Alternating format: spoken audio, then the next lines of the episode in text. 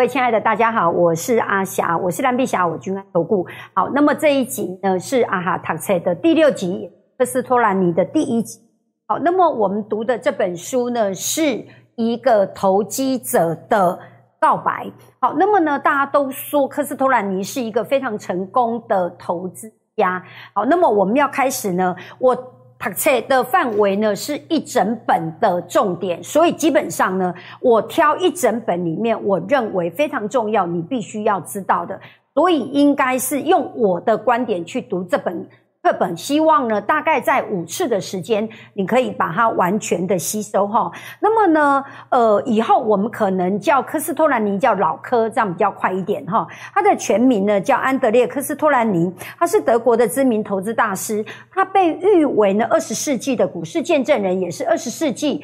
最成功的股市投资者，好，他是在一九零六年出生在匈牙利，十三岁的时候跟家人一起移居到维也纳，哈，好，然后呢，十八岁的时候，他父亲就把他送到呃股票市场，好，那么呢，他刚开始做经纪人，开始跑单，哈，那后来呢，他就呃他的人生观跟他的金钱观呢就开始建立起来了。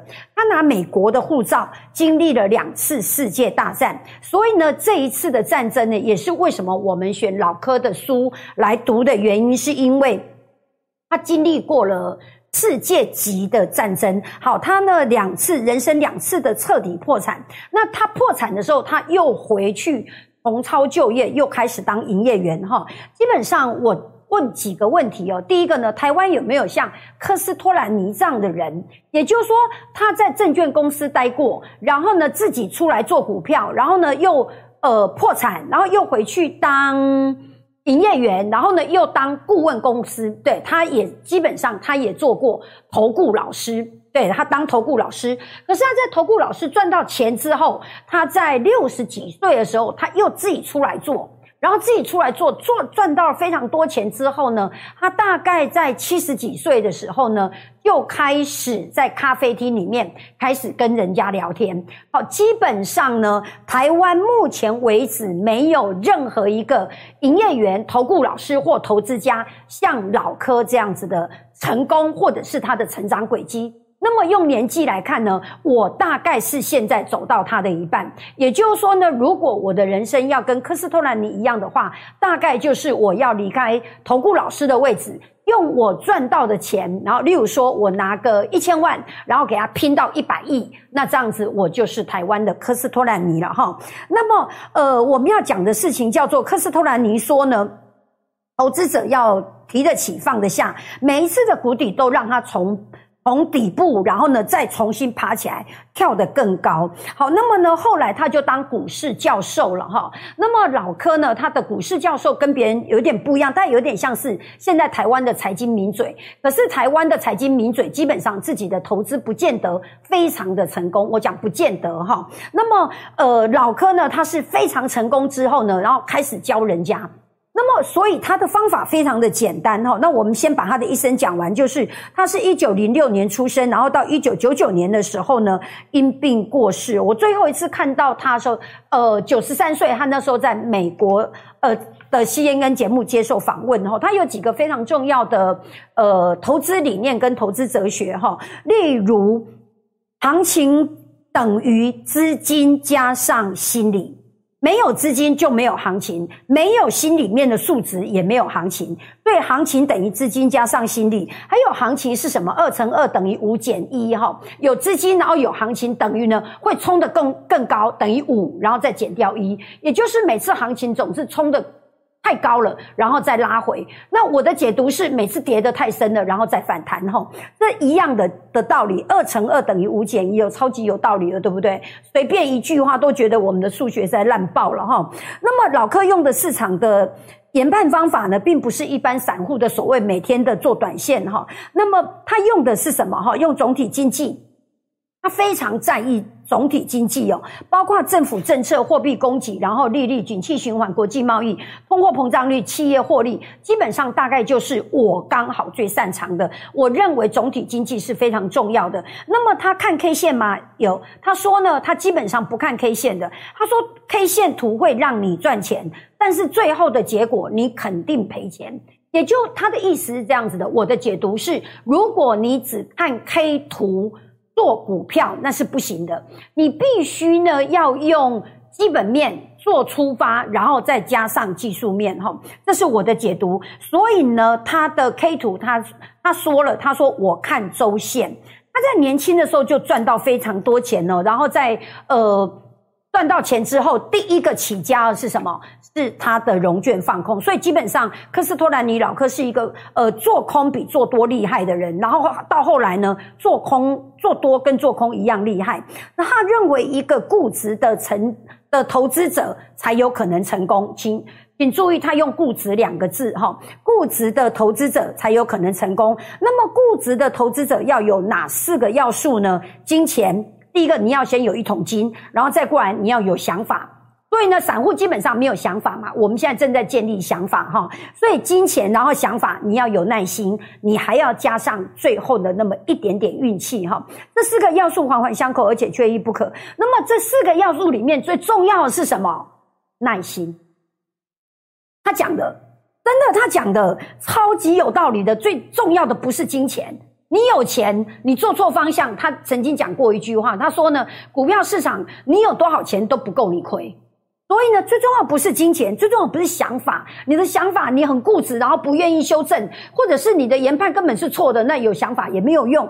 那么最重要是什么？耐心，因为运气呢，呃，一次对，两次对，可是问题是呢，耐心，那最重要是耐心。于是呢，科斯托兰尼自己就有一个鸡蛋理论。那往后我们会介绍哈，鸡蛋理论，事实上它就是一个 cycle，就是一个循环呐，有修正，有调整，然后有相随，有过热哈，这些我们会会到到时候再来帮你介绍。那基本上鸡蛋理论它跟总体经济的景气循环是差不多的。于是呢，鸡蛋理论他说了一个叫做这几个相随啦、反弹啦或修正啦、过热啦，就是投资者的心里面。去做精准分析，再重来一次哦，这段蛮重要的。就是你在分析股票市场的时候呢，投资市场的时候，你也一定要分析投资者的心理，他的心里面，还心理层面要对他做分析。例如说，我研判散户都很害怕，哎，那这样可能是底部。我研判散户都很贪婪，哎，那这样可能是头部，OK，大概是这个意思哈。好，那么呢，他就说了哈，他说他的投资理念呢，他也包括持续的学习，不要停止投资自己，学习是非常重要的哈。好，那么呢，呃，他的自传我们就开始从前言哦。那么，呃，这个前言呢，指的是有他的。编辑他的编辑呢，对科斯托兰尼写的哈，那他写的时候呢，科斯托兰尼已经过世了，一九九九年。那么呢，科斯托兰尼是证券交易所的教父哦，那大家都很希望听到这个教父呢，他给一个建议。那可是托兰呃，科斯托兰尼说呢，你不要指望我给你任何建议，你要倾听股价的声音。又是一句超级有道理的话哦，不就我的建议。对，那你不要指望我的建议。那如果你没做到，也没有用。所以我会给你建议，但是问题是一堆里面，你又要有运气，又要有耐心，然后又要钱，然后又要想法。所以，对不对？所以他说，你就不要指望我了啦。你到最后就什么，请听股价的声音哈。那如果年轻的父母，你的钱应该放在哪里哈？应该放在投资小孩子的教育。身上，他晚年的时候是在瑞士过世的哈。那么，呃，喜欢古典音乐，喜欢歌剧了。他甚至呢，一个歌剧可以看的这个上百次了。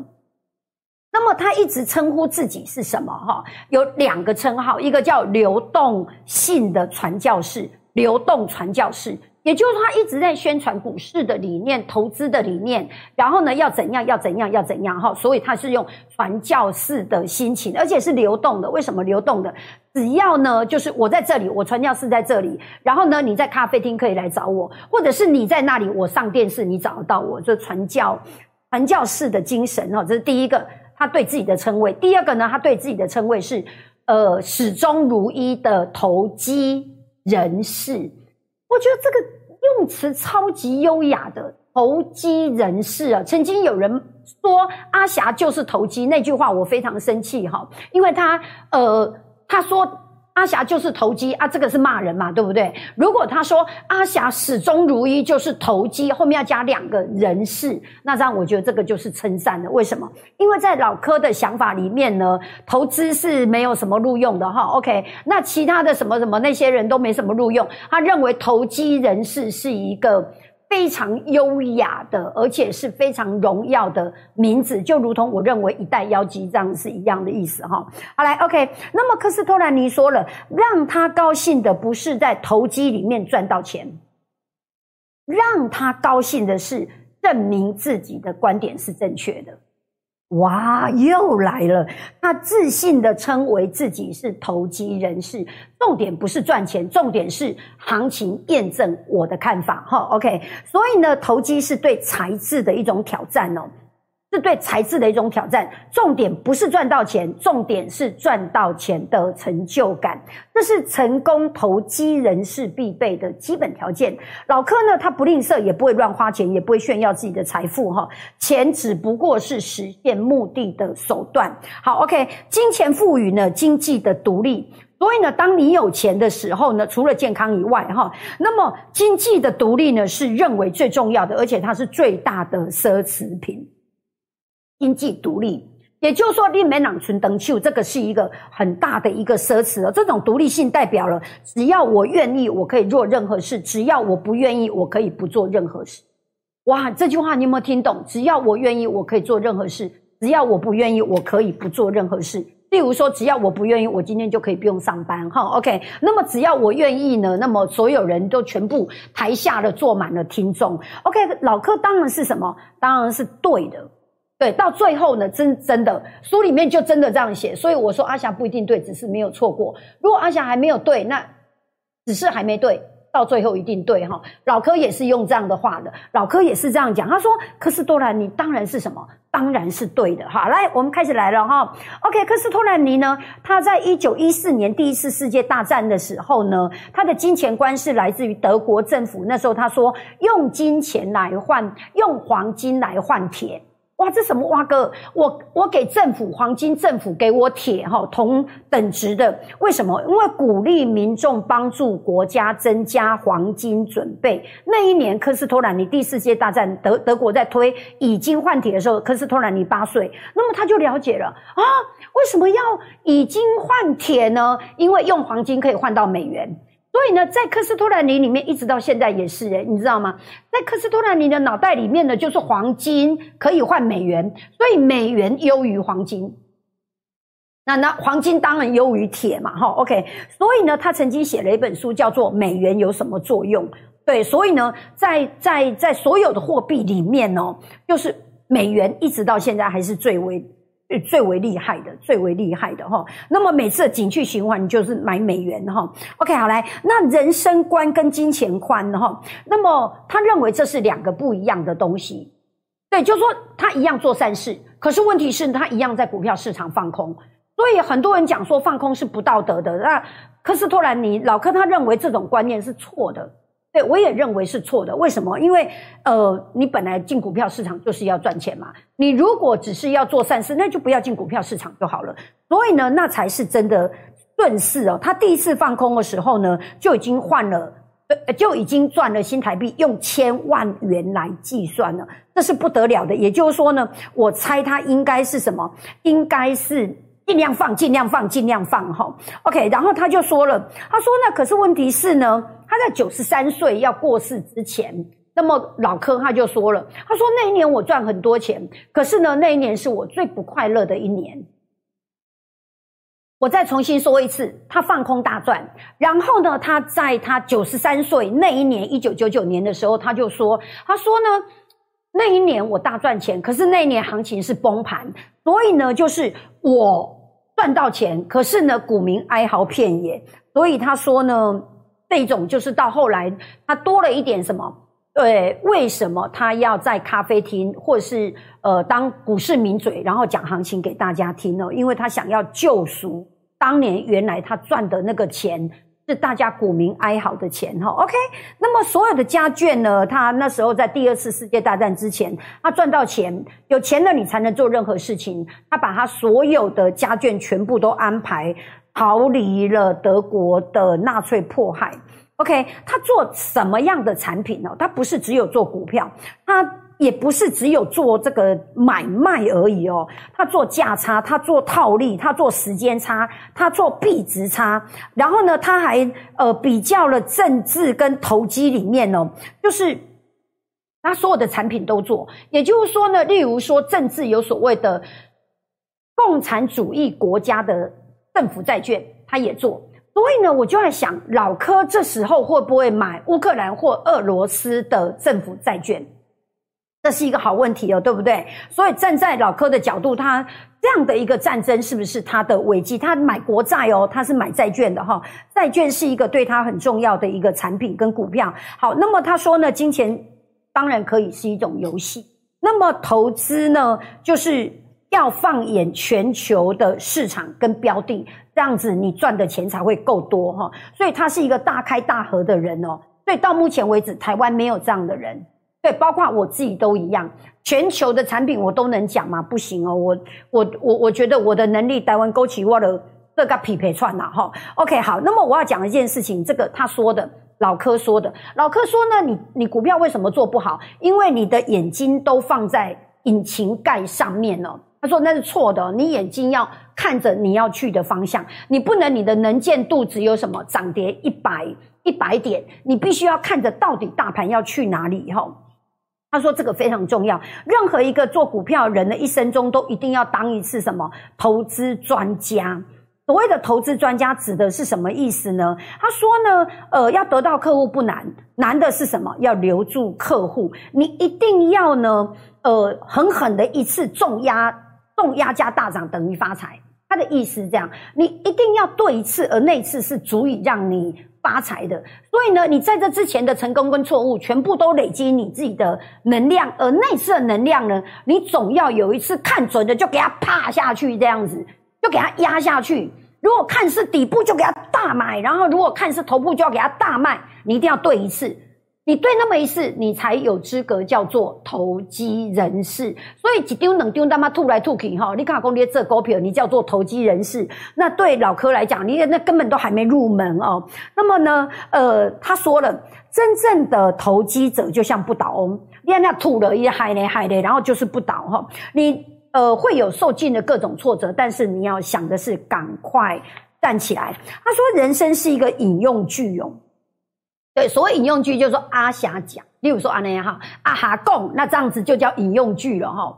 那你知道我意思吗？就是你要到达人家引用你，阿霞说现在这里是底部，阿霞说这里要反弹，阿霞说这里是大空点。OK，阿霞说，所以人生是一个引用句，就这个这个是一个人生的层次跟目标。然后我们翻过目录哈，金钱的目录钱，呃，金钱的魅力，钱是属于狂热追求金钱的人。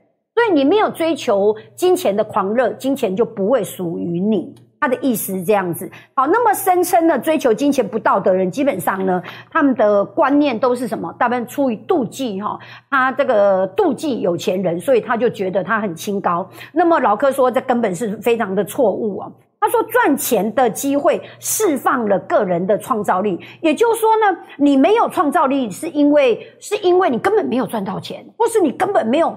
脑袋里面根本没有装着我真的能赚到钱，所以呢，为了赚钱，你会有什么勤奋跟冒险的精神？他说这是好的，老柯说这是好的。你们为什么要把金钱呢？明明就很爱钱，然后又不敢讲出来，你就给他讲出来。所以老柯说：“我投机，我就给他讲出来；我爱钱，我就给他讲出来哦。”老柯实在太棒了哈！资本主义跟社会主义的差别非常好解释哦。他说呢，资本主义，资本主义是什么呢？是呃一个很大的饼，然后每个人都切得很小块，而且大小不均，这是资本主义。共产主义是一个很小的派，然后每个人都切得非常的平均。所以呢，我们要在资本市场里面，即使拿到很小块的蛋糕，OK。所以呢，大家在乎的不是谁是谁，而是你赚多少钱，你拥有多少财产。他说，事实上呢，这种话都没有人敢讲，在宴会里面。哦，How are you doing？OK，好，你今天好不好？其实他根本不在乎你今天好不好。他心里面盘算的是，积累党差不多一给你探寡贼，或是他现在有什么身价。老柯就是有办法能够把别人都不敢讲的话都讲出来哈。他说：“他说虽然呢，整个宴会里面没有人谈钱，但是我告诉你，大家眼中都只有钱。and 什么？大家所有人都在想着计算着钱这件事情哦。就老柯来厉害收在的下呢。他说，对很多人来讲，真正的刺激不是拥有金钱，而是赚钱。每当自己投机成功的时候，我会感到开心。”会感到高兴。那么呢？如果我被呃，我被证明我的见解跟别人不一样，and 我是正确的，那才是他一辈子在追求的东西啊！百万富翁指的是不依赖任何人，用自己的资本就能够满足自我需求的人。呃，百万富翁是不用工作，那那时候他的百万富翁是不得了，那是一百年前的事情，大概就是我猜大概就是一一一个一 k 了对吧？你没有上亿财产，OK OK，no money no talk，就是你不紧你别拿恭维哈，OK，所以大概他用亿啊，他大概用亿的那个观念，所以呢，就是如果你有个你你有个亿元的，OK，你不用你不用上班了。你也不用对客户呢这个卑躬屈膝的，那这样的生活就是什么？就是真正的百万富翁哈！每个人都需要变成百万富翁。那么你必须对金钱着迷，你必须对金钱执着，你必须疯狂爱钱，你又必须冷静对待钱，这样子钱就会属于你。